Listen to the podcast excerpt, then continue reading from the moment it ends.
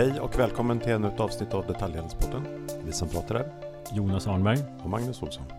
Och idag har vi ett återbesök, tror det eller ej, men det är alltså tre år sedan Jessica Mattsson på e-equity var här och nu är du här igen. Varmt välkommen! Tack så mycket. Det var ett väldigt älskat avsnitt och ni som eh, inte har lyssnat på avsnitt nummer 13 av Detaljhandelspodden gör det efter det här. Det är ett riktigt superavsnitt eh, och då var vi ju mitt i pandemi och det var så en himla fest eh, på e-handel. Vi hade en statsminister som, som för första gången började handla på nätet och i princip sa att alla ska, nu måste, gå inte till butik. Så det var ett helt annat läge.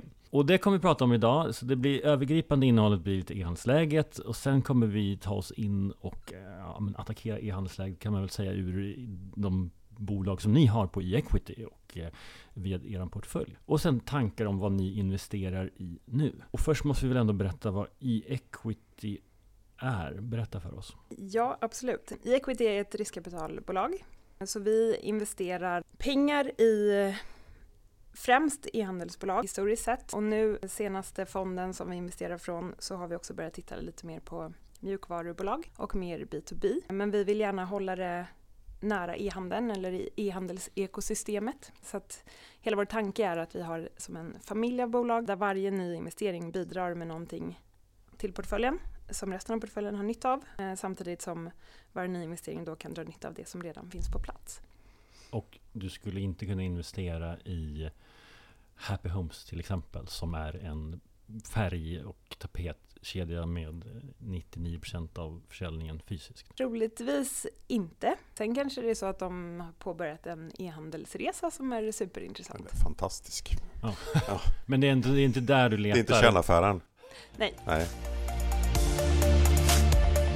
Innan vi börjar så ska jag berätta att det här avsnittet spelas in i samarbete med DHL som är världens största logistikföretag och Sveriges näst största last mile-aktör. Och i sin senaste e-handelskollen Recommerce så har DHL gjort en otroligt ambitiös studie om hur vi handlar second hand-varor. Så gå in och läs den och och eh, lär om vad det finns för skillnader i hur unga handlar, hur äldre handlar och hur du som handlare kan göra affär på en växande recommerce-marknad. Du läser den på dhl.com eller se och på detaljhandelspodden.se. Vi kommer också lägga den med i, på LinkedIn när vi länkar till avsnittet. Så att tack DHL. Nu kör vi igång med dagens avsnitt.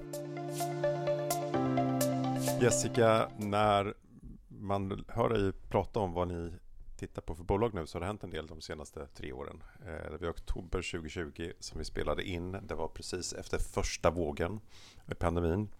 Och alla satt hemma som Jonas sa och e-handlade. Jag kommer ihåg att du pratade värdering då. Och jag tror att jag minns att du sa någonting i stil med att om ett företag gick nära noll i resultat i alla fall men hade en tillväxttakt som låg på 80, 90, 100 procent så skulle man kunna få fyra gånger pengarna. Det var Eh, tidigare. det var tidigare.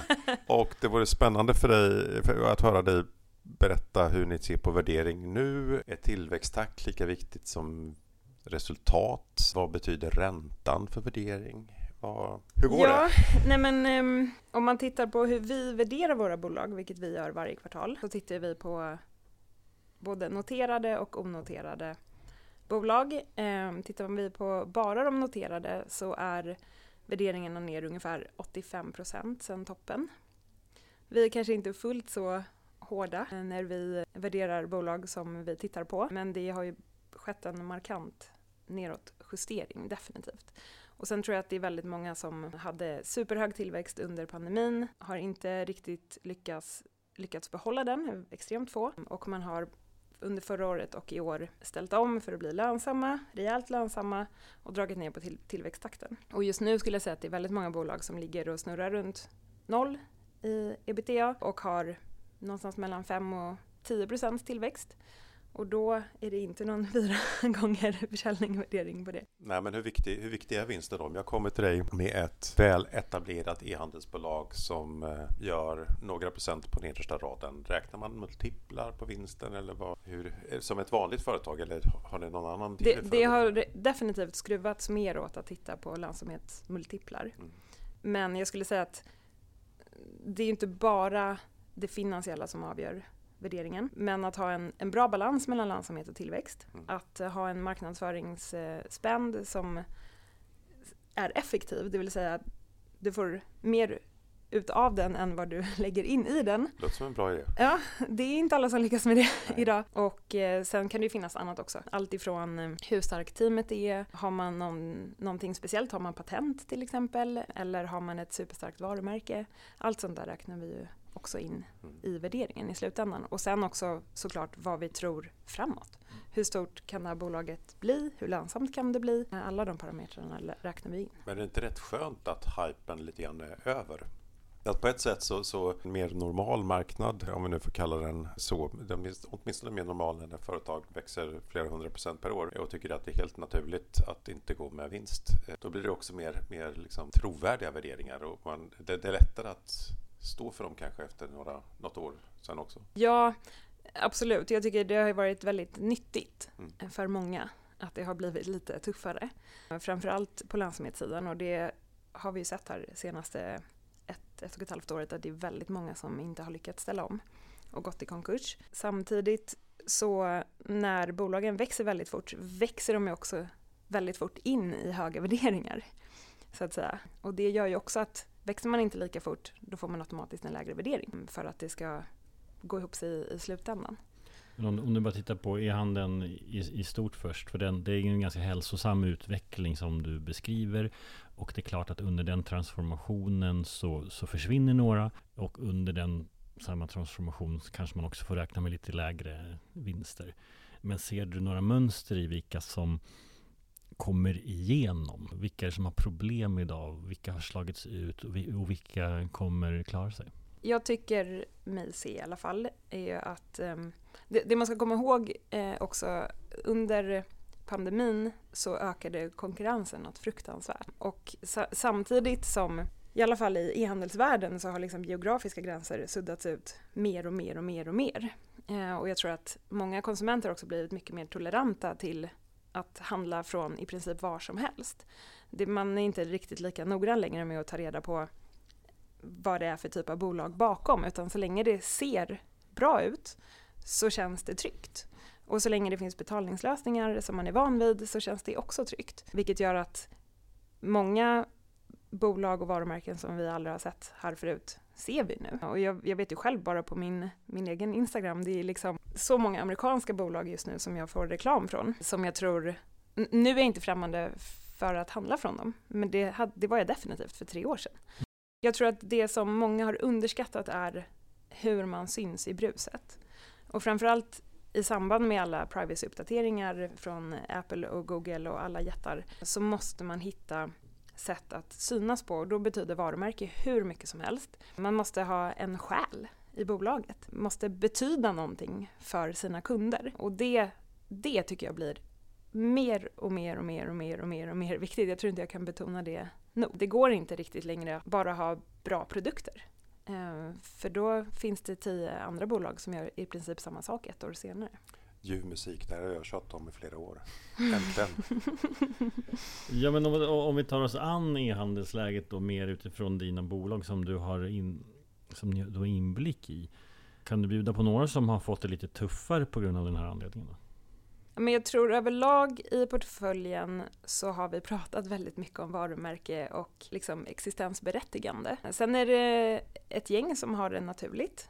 Amin till exempel som är liksom grundat i ett syfte. Och sen eh, finns det andra som har fått jobba mer med det, definitivt. Men alla jobbar på det hela tiden för det är det enda sättet att, att komma ut, att liksom knyta an nästan till någonting känslomässigt idag. Sen eh, finns det definitivt bättre och sämre exempel. Jag tycker Sweef är ett, ytterligare ett jätte, jättebra exempel som har lyckats också i en, i en bransch, de säljer ju möbler, i en bransch som jag tror är ner 46 procent i år online, så äter de marknadsandelar just nu, just för att de har varit extremt trygga i vilka de är, vad de gör, hur det ser ut och sen en röd tråd genom exakt allt.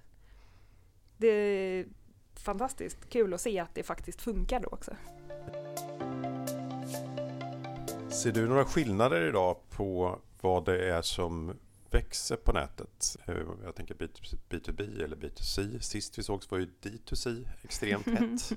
nu är det många D2C-bolag som har gått, eh, börjat gå via återförsäljare istället. Pendeln svänger. Vad ser du ute? Nej, men jag tror att, ehm, eller jag tycker egentligen att D2C fortfarande är väldigt hett. Eh, just att skippa mellanhänder kommer vara en framgångsfaktor alltid.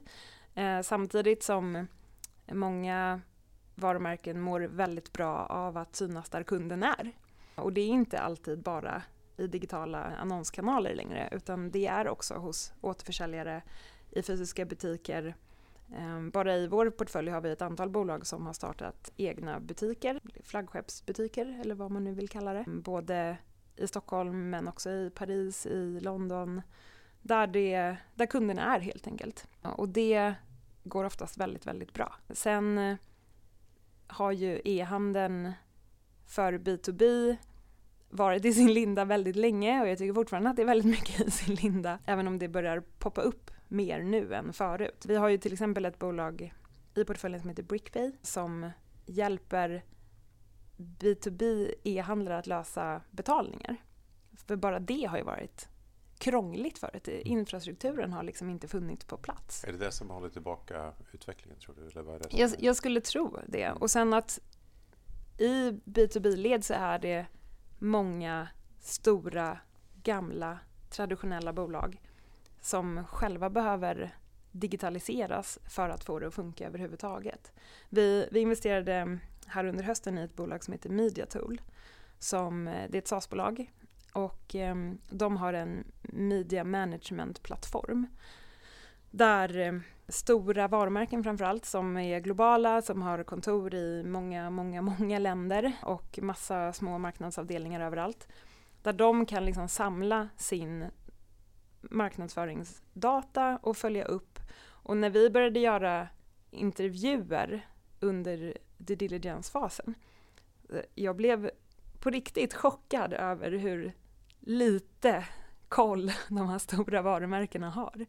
Vi pratade med ett av USAs största retailbolag och eh, vi pratade med en kvinna där som var ansvarig för marknadsföringen. Hon hade en CMO över sig.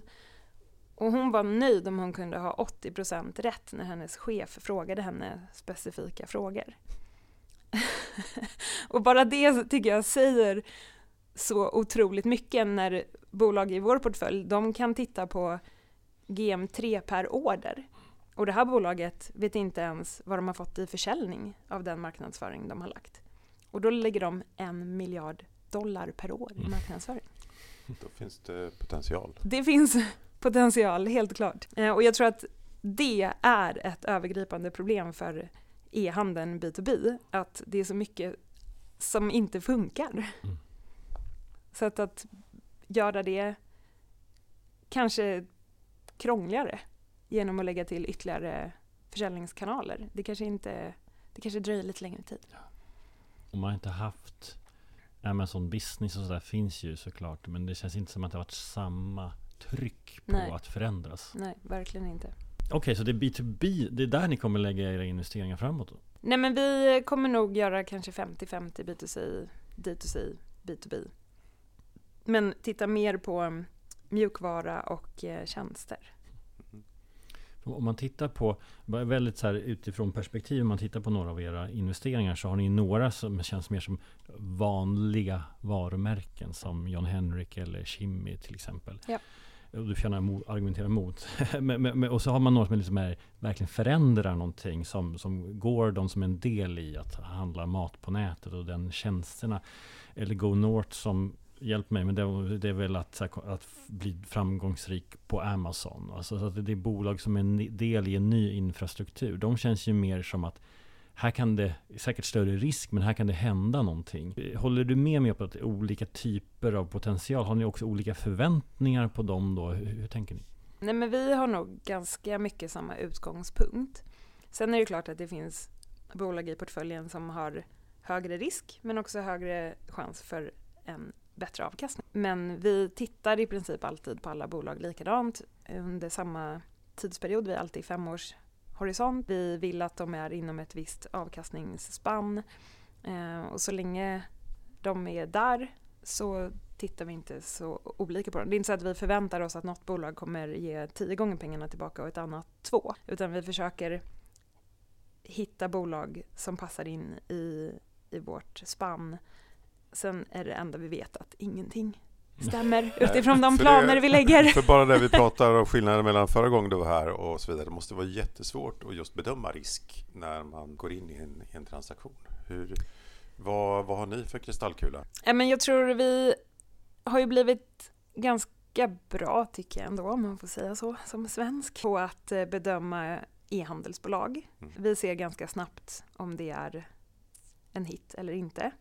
Sen kan det såklart, det behöver ju inte bli krig, pandemi och andra saker. De sakerna är väldigt svåra att räkna in i, i modellen. Sen eh, de här eh, affärsmodellerna som är helt annorlunda är klart att det är mycket svårare att veta. Men det är ju lite samma bedömningskriterier och logik i det mesta. Även om det är vissa saker som vi inte kan. Till exempel Gordons affärsmodell kunde vi inte innan. Så vi hade ju väldigt, väldigt mycket att lära. Och man blir ju de... bättre ju mer man gör någonting. Mm. Men om du tar Gordon nu som ju e-handel med mat hackar ju. Och det inbillar jag mig att de lider av. Det har ni tålamod med. Ja, det eh, har ju definitivt tagit några kliv ner i tillväxttakt sedan eh, pandemin. Men samtidigt så finns det så himla mycket mer att göra. Och jag tror att väldigt många av de här, eller många av spelarna i dagligvaruhandeln jobbar ju på att hitta lösningar som funkar. Och det kanske inte alltid är att ha sin egen flotta med lastbilar som åker runt. Jag tror att många famlar lite i mörkret över hur man ska få det här att funka på ett lönsamt sätt. Ja men är man ICA nu med ett centrallager där 20% av bilarna kör och 80 står stilla, då, då måste man ha varit jättenöjd med om man hade signat med Gordon. Ja men precis, verkligen. Och, och, Gordon har ju också fördelen att de kan leverera i princip hela Sverige. Mm. Vilket ju nästan ingen annan kan tror jag och det är dessutom extremt svårt att få lönsamhet i det, vilket Gordon har lyckats med. Men du, när, när vi träffade dig senast också, det kändes som att de investeringarna ni tog an hade en väldigt tydlig idé om så här. Vi köper ett, vi går in i ett D2C-bolag, vi kapitaliserar det så här, vi ger ledningen de här uppgifterna så kommer de leverera på det här. Har den har det, det, har ju uppenbarligen fungerat. Men, känner, men, men ser du några förändringar? Är det någonting du tweakar i nu? Är det något som du har, eller ni har varit tvingade att ändra? Vi lär oss hela tiden, är väl eh, det ärliga svaret på det. Jag tycker grundmodellen funkar fortfarande väldigt bra, men just det här med, eh, med privacy-uppdateringarna, med ökad konkurrens, det är klart att det har ju gjort att vi måste liksom skruva hela tiden på vad som är best practice för bolagen. Och nu tittar vi jättemycket på hur vi kan använda AI på olika sätt. Många av bolagen har blivit ganska duktiga på att använda det inom content creation till exempel. Jag tycker vi kan bli mycket bättre på att titta på att använda både AI-verktyg men andra typer av verktyg som hjälper till att effektivisera. Framförallt behöver man kanske inte vara jättemånga anställda idag. För det finns väldigt många verktyg som kan göra saker åt en. Sen är det många av dem som är tidiga och som kanske inte funkar jättebra. Men till exempel att översätta produkttexter.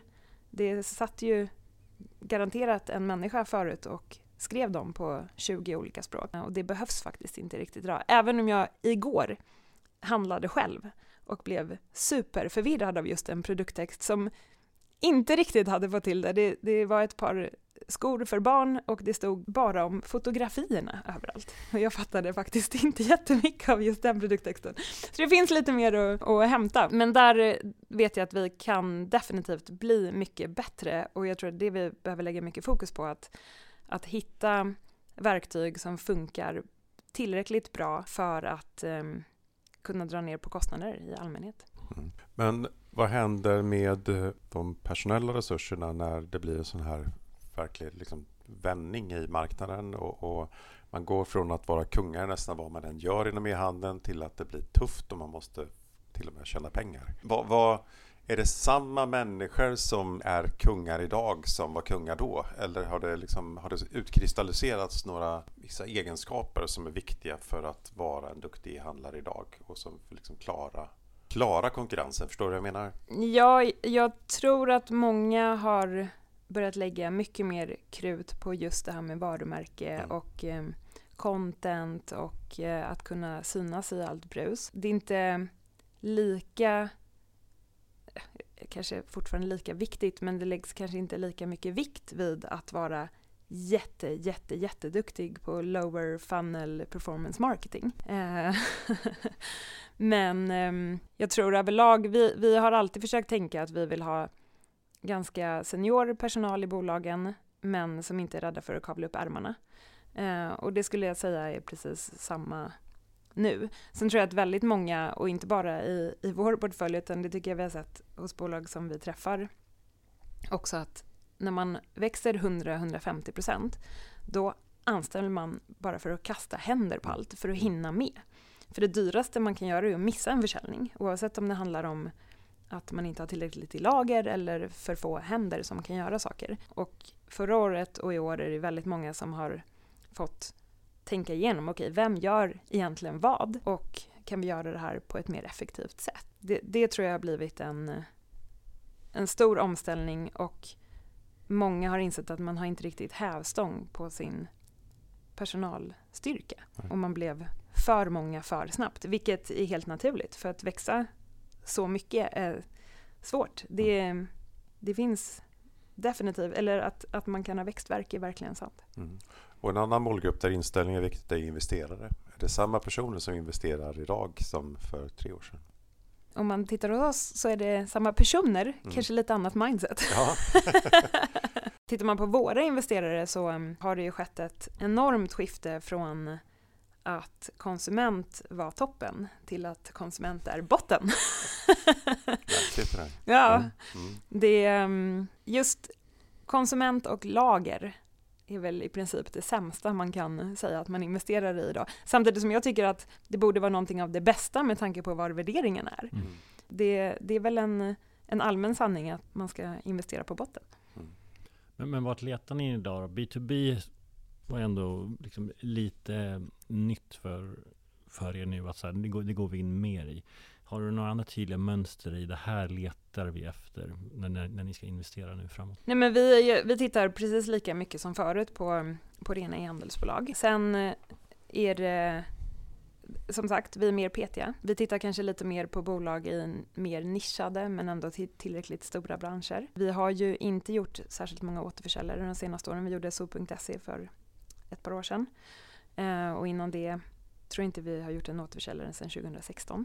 Men vi tittar också mer utomlands, eh, framförallt i Tyskland. Och där är det inte lika uppenbart att det finns redan nummer ett, två, tre, fyra, fem som är så mycket större än alla andra. Utan det, det finns ett ganska brett spann. Å andra sidan är Amazon väldigt, väldigt stort där vilket ju förändrar dynamiken ganska mycket också. Och sen tittar vi mycket mer på tjänstebolag, både mot B2B och B2C. Jessica, Recommerce växer så det knakar där ute. DHL har tagit fram en rapport som heter E-handelskollen 2023 Recommerce. Där säger varannan att de köper mer begagnat idag än vad man gjorde tidigare. Och jag tror att, jag tror att många ser att det växer på väldigt många ställen. B2B, C2C, B2C, alltså på, i alla möjliga olika led. Har ni någon, tror, tittar ni på den här marknaden? Ser du någon spännande investering inom eh, re-commerce-området? Vi eh, tittar hela tiden, har ännu inte hittat något som vi har fastnat för. Det finns en lönsamhetsutmaning, definitivt. Samtidigt så mm, är det vår tes också att det kommer bara bli större och större och mer och mer. Det jag tror är att grundinställningen hos konsumenterna behöver gå från att det ska vara billigt till att det finns ett annat syfte för att den, den här typen av bolag ska kunna bli lönsamma. Jag tror också att det handlar om eh, om man inte bara tänker nytt eller begagnat, utan man mer utgår från vilket skick har en vara Verkligen. och vad är det värt utifrån Ja. det. Då kanske du kan köpa en möbel som är, som är eh, begagnad men som kanske är bättre skick än en, än en ny produkt. Men, men ser du någon skillnad? Om man, tänk, om man tittar på kläder till exempel så ser man ju, nu har inte jag någon jättebra inblick i, i Sellpy till exempel, men den modellen där, där det, så du, som, du tar in en vara och ska sälja den till konsument, dessutom kanske lägga upp den online och ta fota. Och så, det är ju svårt att få lönsamhet i. Medan C2C-modellen där mina barn till exempel lägger upp grejer på Vinted och liksom pla plattformen står ju bara för att just vara plattform medan konsumenten gör jobbet. Den känns ju spontant mer lönsam. Eh, Verkligen. Men, men hjälp oss utreda, liksom, hur, vart är det här vägen? Nej, men jag, jag tror att um, det kommer finnas bolag som inte är från konsument till konsument. Uh, men jag tror att det kommer kunna bli riktigt bra först när man handlar begagnat just av en annan anledning än att man förutsätter att det ska vara jätte, jättebilligt. Till exempel just att det är bättre för miljön att köpa ett begagnat plagg än ett nyproducerat. Eller som du säger, skicket är tillräckligt bra för att i princip betala som om det var nytt. Sen ska det klart finnas en, en premium om produkten är helt oanvänd. Men jag tror att det finns en enorm potential bara i ett annat mindset hos konsumenterna att köpa begagnat för att det är bra. Mm.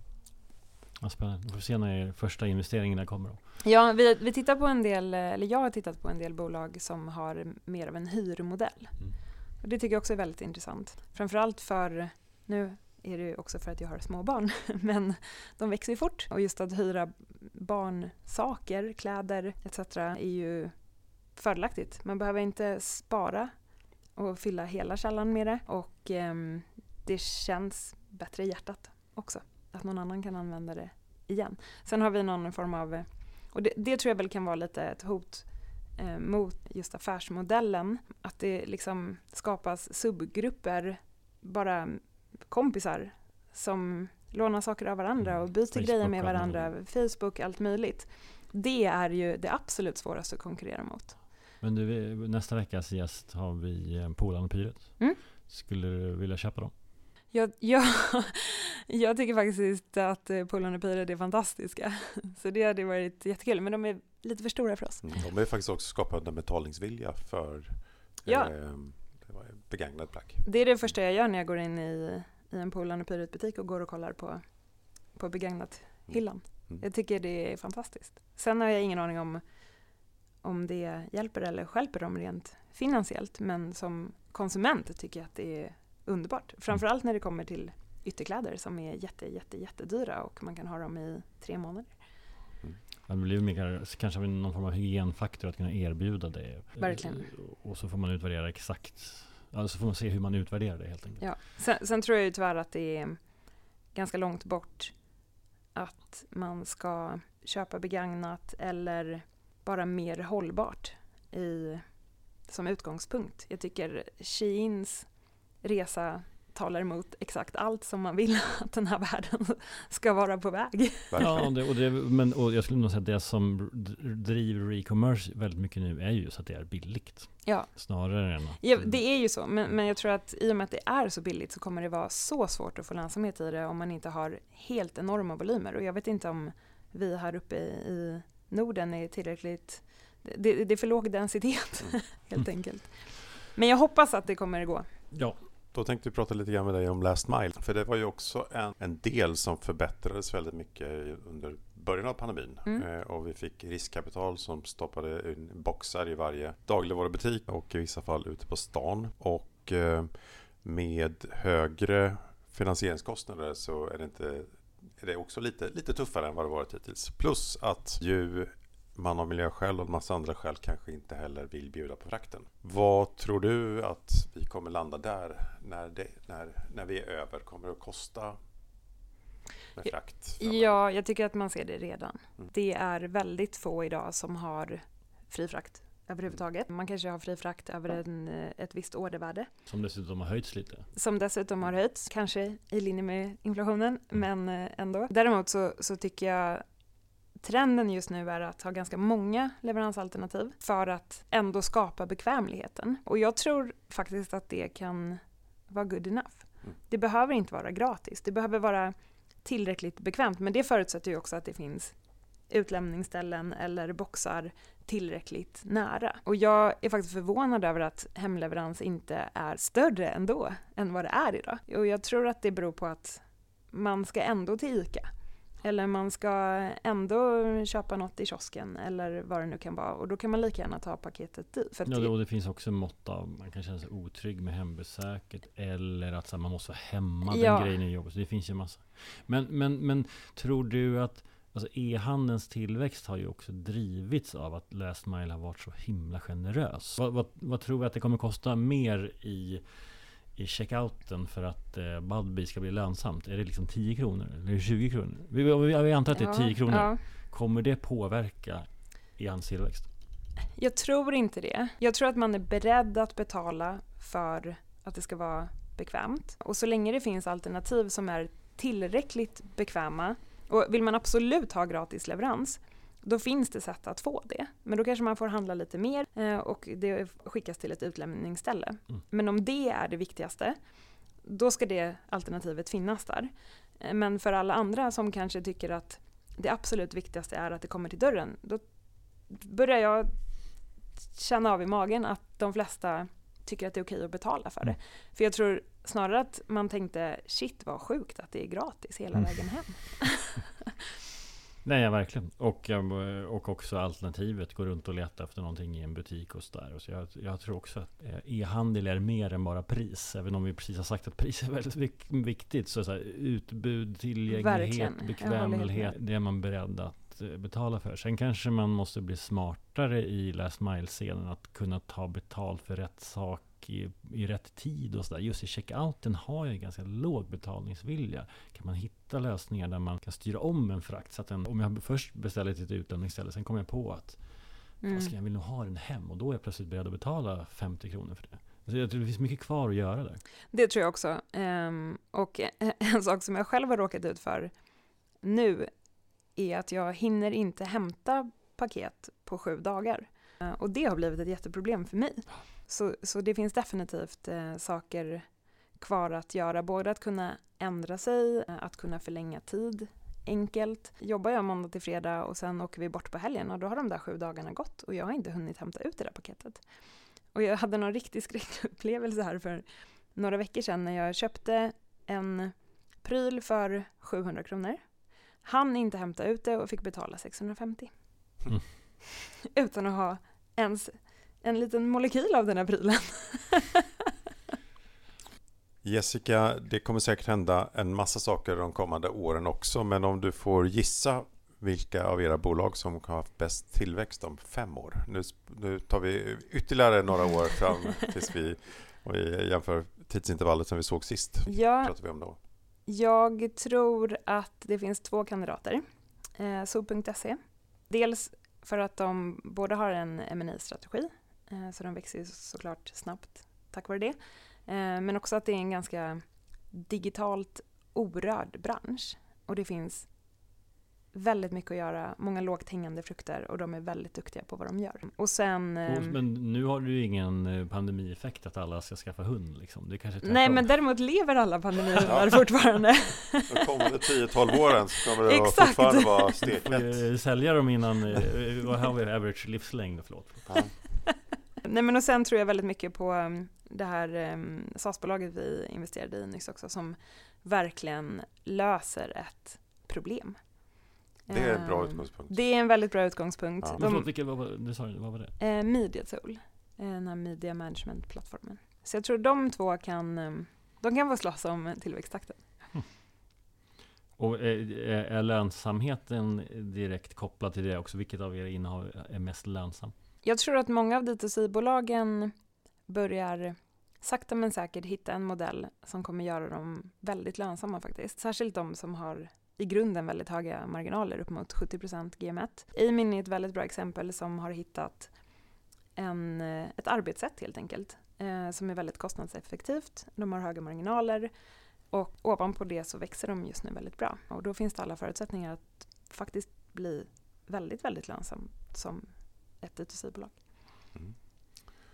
Om du skulle ge dina bästa tips då för att eh, man som e-handelsbolag ska ha en få en bra mottagande när man ringer till dig och säger hej, har ni några pengar? Vad, vad, ska, man, vad ska man tänka på då? Ja, men grundförutsättningen är ändå um, okej tillväxt och eh, Vad är okej tillväxt okej då? Ja, men just nu skulle jag säga, växer man 30 procent eller över Mm. så, så kommer vi lyssna noggrant. Mm. Och i en högkonjunktur, vad är en rimlig tillväxt då?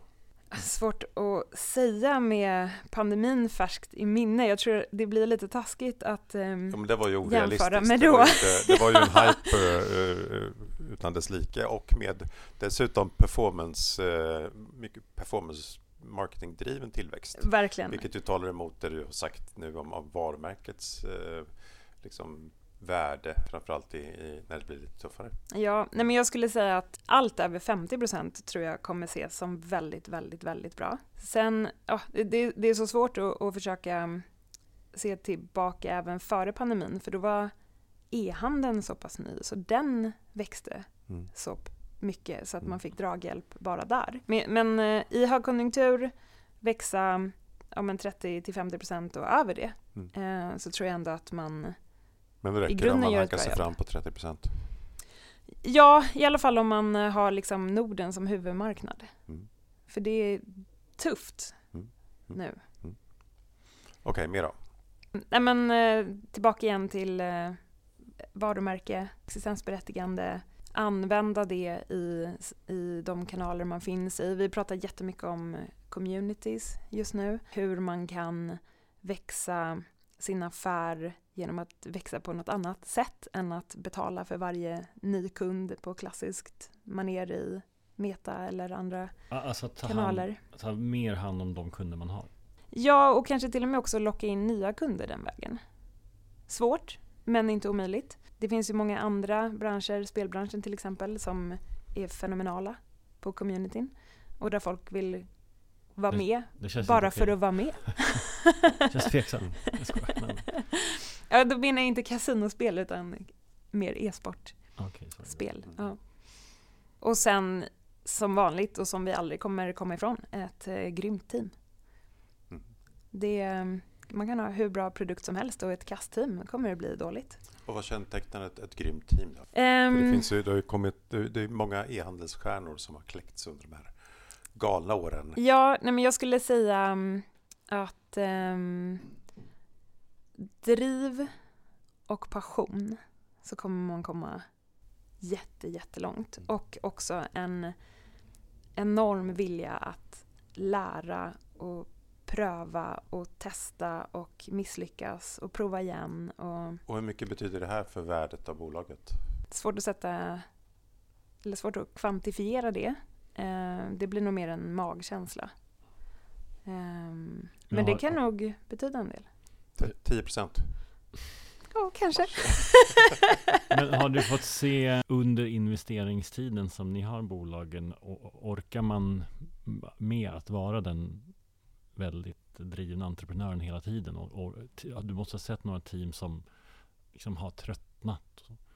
Vad, vad, vad kännetecknar det som håller ihop det? Liksom? Jag tror att um, den, eh, den viktigaste faktorn i det är just det här med passionen för det man gör och viljan att vilja utvecklas och lära nytt. För att jag, jag tycker det är många entreprenörer som också är vd som jag har sett som eh, måste utvecklas i sitt ledarskap till exempel. Och tar man det till sig och verkligen vill det, då kan det bli hur bra som helst. Men det är inte alla som vill det. Och då kan man behöva tänka om. Om jag och Magnus stoppar in en miljon i, equity, hur många tror du att vi får tillbaka om vi ses om fem år? Jag ehm, tror ni får tillbaka fem.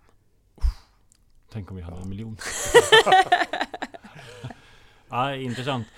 Jessica Mattsson i Equity, fantastiskt trevligt att ha dig här. Det går ju knappt att sluta för allt du säger är så oerhört intressant. Eh, Men tack så jättemycket. Tack så mycket, jättekul att vara här. Och tack till alla er som lyssnade. Vi hörs snart igen och Jessica, vi hoppas att få dig tillbaka om, eh, ja, senast var det tre år sedan. Vi vill gärna ha tillbaka dig tidigare än så. Kommer gärna tillbaka. Och glöm nu inte att gå in på dhl.se för att läsa e-handelskollen med Recommerce special. Jättemassa spännande insikter i om hur du kan växa din Recommerce-affär och dra nytta av en av de stora trender vi ser nu med eh, stort intresse för second hand. Tack för idag!